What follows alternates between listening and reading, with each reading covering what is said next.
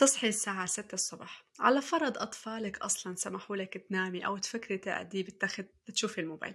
أول شي بتعمليه بتطلعي على الموبايل بتلاقي تسع رسائل واتساب من أمك أربعة من صديقتك واحدة من حماتك 147 رسالة من group العيلة.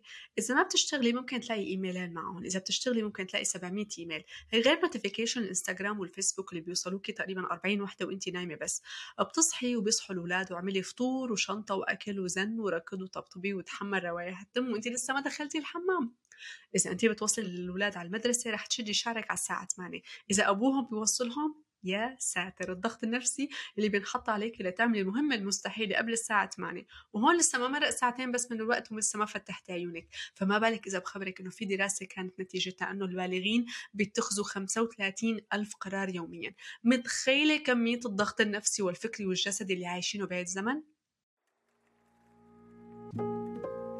يا هلا بحلقة جديدة من الموسم الثاني من بودكاست ماما ميلونز مع إمام بطيخة. هذا الموسم برعاية برنامج للتربية معا المقدم من شركة النهدي الطبية.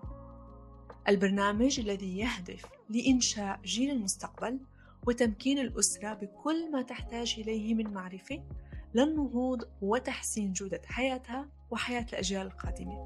جاهزين اليوم نتعلم مهارة ممكن يشكرونا أطفالنا عليها في المستقبل؟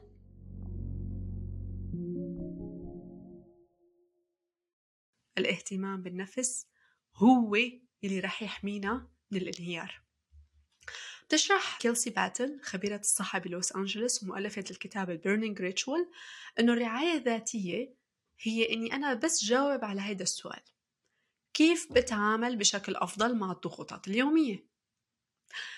بتقول باتل بكتابها إنه بيشعر الناس بالوحدة وأقل قدرة على الاسترخاء والإبطاء فبيخليهم يشعروا بالتوتر أكثر والإرهاق حتى من أبسط المهام اللي بيقوموها باليوم.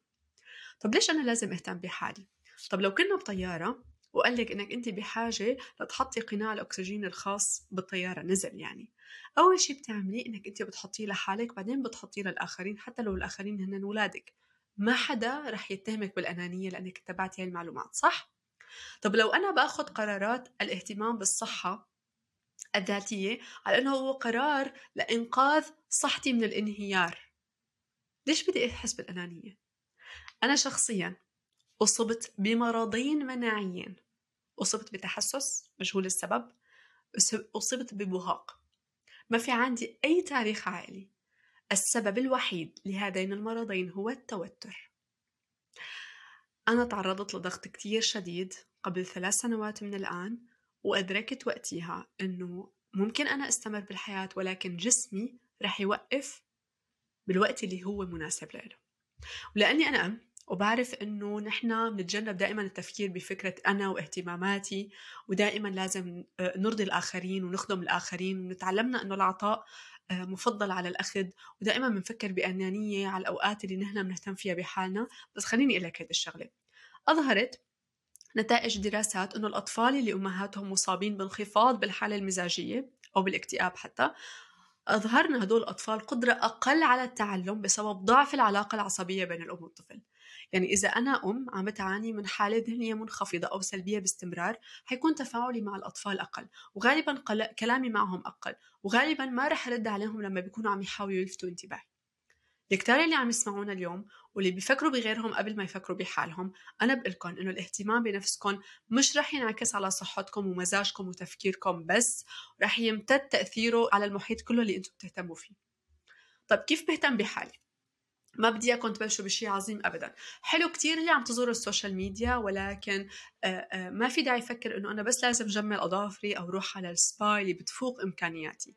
كثير من ممارسات الرعاية الذاتية أو الاهتمام بالنفس هي أشياء ممكن أنا ما تكلفني شيء أوكي؟ بمجرد القيام بأشياء أنا بستمتع فيها أطلع من البيت آخذ نفس ممكن يكون هذا أعظم شيء أنا بعمله لحالي. ترتيب التخت الصبح. هو مثال من أمثلة الرعاية الذاتية أو الاهتمام بالنفس. في كثير ناس بيقولوا لي بس إنه هذا عمل روتيني.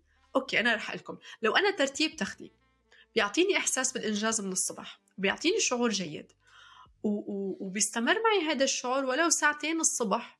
ممتاز. أنا بعرف إنه في كتير عالم مخبيين قطعة ذهب مركونة بزاوية الدرج من يوم العرس ولهلأ ما لبسوها. تتهنوا فيها. بس قولوا شو بدكم تعملوا؟ أنا متأكدة إنه حيجي يوم ما رح تلبسوها ابدا. ما عم لكم تبيعوها بس عم لكم تذكروها. بيتضمن الاهتمام بنفسكم طرح أسئلة كتير كبيرة. آه على أنفسكم. مثل شو اللي بيخليني سعيد؟ شو اللي بيخليني مرتاح؟ لحتى أصنع روتين حياة إيجابية فيني أعمل هالخطوات البسيطة. بحدد مجموعة الأنشطة اللي بتشعرني بالطاقة بتشعرني بشعور جيد بتريحني.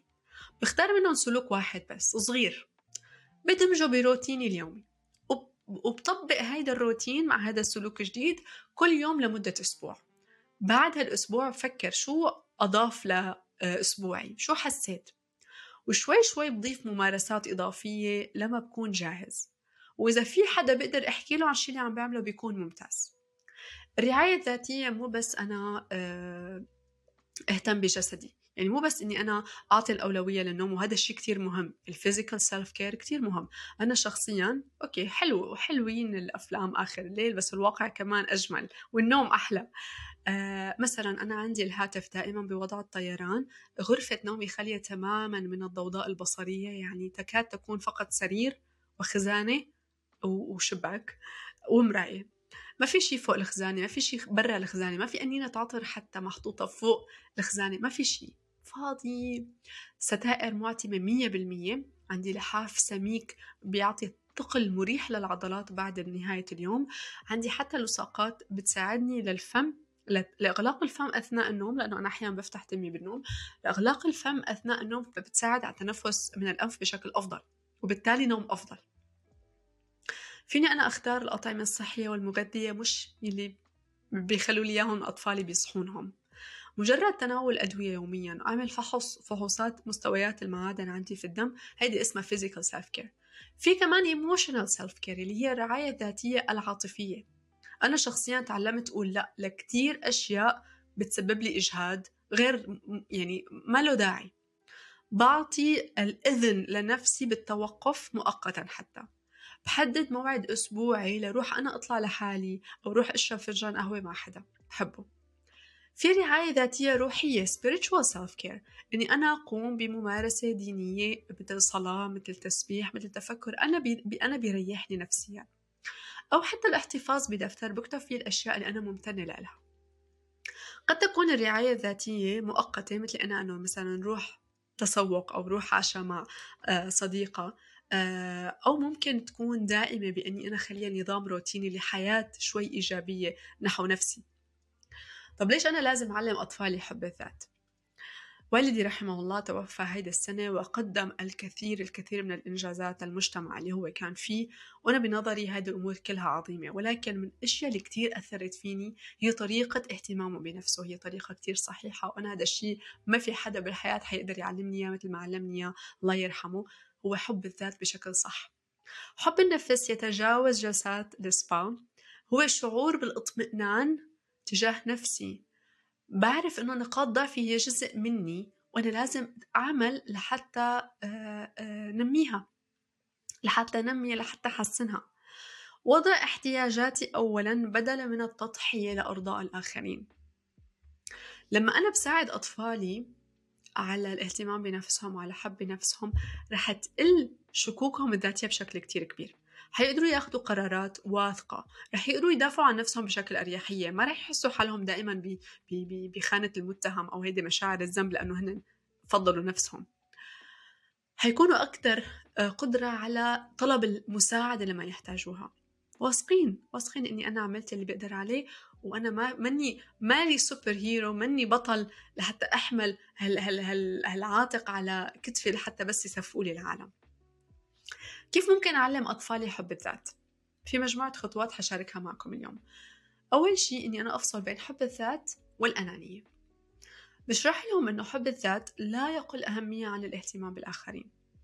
وما في أي سبب لحتى أشعر بالذنب تجاه هذا الموضوع طول ما أنا ما عم بأذي الآخرين. الشغلة الثانية اللي ممكن أعملها إني أنا أخلي مشاعرهم ووجودهم ذو أهمية. اللي بخليهم يلعبوا دور كتير كبير بالأنشطة اليومية باتخاذ القرارات اليومية بالعائلة بالانضمام إلى عملية التسوق حتى أني أنا أسمح لهم بعمل يساعدوني بعمل بالبيت. بيشعروا دائما بأنه آه، وجودهم وأفكارهم لها قيمة. هن بعدين رح يصيروا يحبوا يجوا يساعدوكم.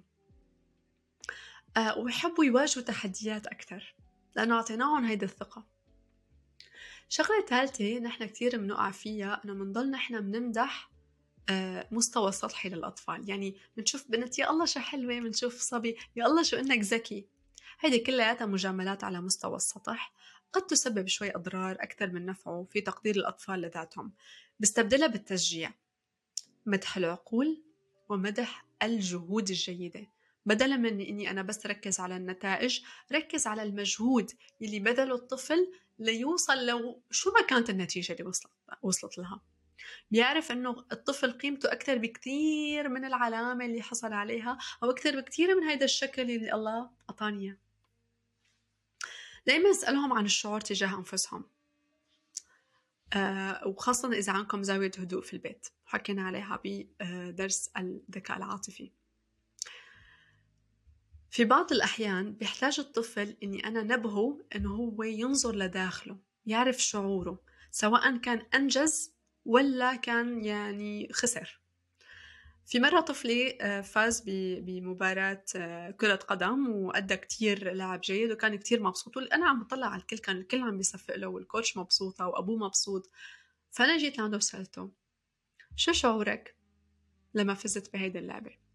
هذا السؤال رح يعزز إنه الشعور الجيد كمان بيجي من داخلي مو بس بس من موافقة الآخرين. حيكون باتصال أكثر مع مشاعره. رح يحس إنه هو أقرب لنفسه وإنه كمان في شيء جيد صار داخله. حيبدي اهتمام أكبر بالتعبير. بوضح لهم إنه يتعاملوا مع نفسهم بالطريقة اللي هن بتريحهم وبترضيهم. أو ممكن حتى آه، نطلع للاحتفال بدون ما يكون في أي سبب. ليش عم انبسط أنا كثير أحيانا بيجي يعني بهيك مثل بيقولوا لحظات الرواق بيجي عند أطفالي بقول لهم عازمتكم على سلاش عازمتكم على موزة. أحيانا بيسألوني على السبب واحيانا كثير ما بيسألوني شو السبب. خلص نحن رايحين نحتفل ما في يكون في ما في داعي يكون في سبب. أحيانا أنا بقول لهم أنا كثير مبسوطة بوجودي معكم أنا فخورة إني امكم أهم هيدا الشيء إني اخبر الأولاد إنه حب الذات بيستغرق وقت ونمو وممارسة. احكوا لهم عن رحلتكم. أنا شخصيا ما زلت يوم عن يوم برحلة الاهتمام بالذات آه، سواء عاطفيا وجسديا وروحيا. ما في شيء اسمه تذكرة إلى السعادة مدى الحياة. ما في شغلة واحدة بس بعملها تضمن لي الراحة والسعادة. هي رحلة وعمل قيد التقدم. ذكروا أطفالهم بأنه ممكن ما يحبوا نفسهم طول الوقت. ممكن أحيانا بحسوا بالضياع ممكن يحسوا بالذنب ممكن يكرهوا حالهم شوي. وهذا الشيء أوكي أحيانا. بس الأهم من هذا الشيء إني أنا أتعلم قوم وكمل ورجع لنفسي مرة تانية وأسألها شو بها وأسألها كيف فيني ساعدها. أنا ممكن ما بحب حالي اليوم بس بكرة يوم جديد ورح حاول مرة تانية. بنهاية هذه الحلقة بتمنى كتير تخبروني شو هي الممارسة اللي طلعتوا منها من هذه الحلقة اللي حتنفذوها بكرة أو اليوم آه، بهدف الاهتمام بالذات. شكرا لكل مين سمعنا اليوم. لا تنسوا تسمعوا حلقات بودكاست ماما ميلونز الماضية وبانتظار حلقات ومهارات جديدة كل خميس الساعة 10 صباحا بتوقيت السعودية على جميع المنصات الصوتية. بإمكانكم أن تتعرفوا أكثر عن البرنامج التربوي الداعم للبودكاست للتربية معا المقدم من شركة النهدي الطبية عبر الرابط الموجود في وصف الحلقات. إذا أعجبتكم حلقة اليوم نتمنى مشاركتها مع الأصدقاء والأهل. تعطونا تقييمكم على أبل بودكاست لنكمل بهذا العمل للمستقبل. إلى حلقة جديدة كونوا بألف خير.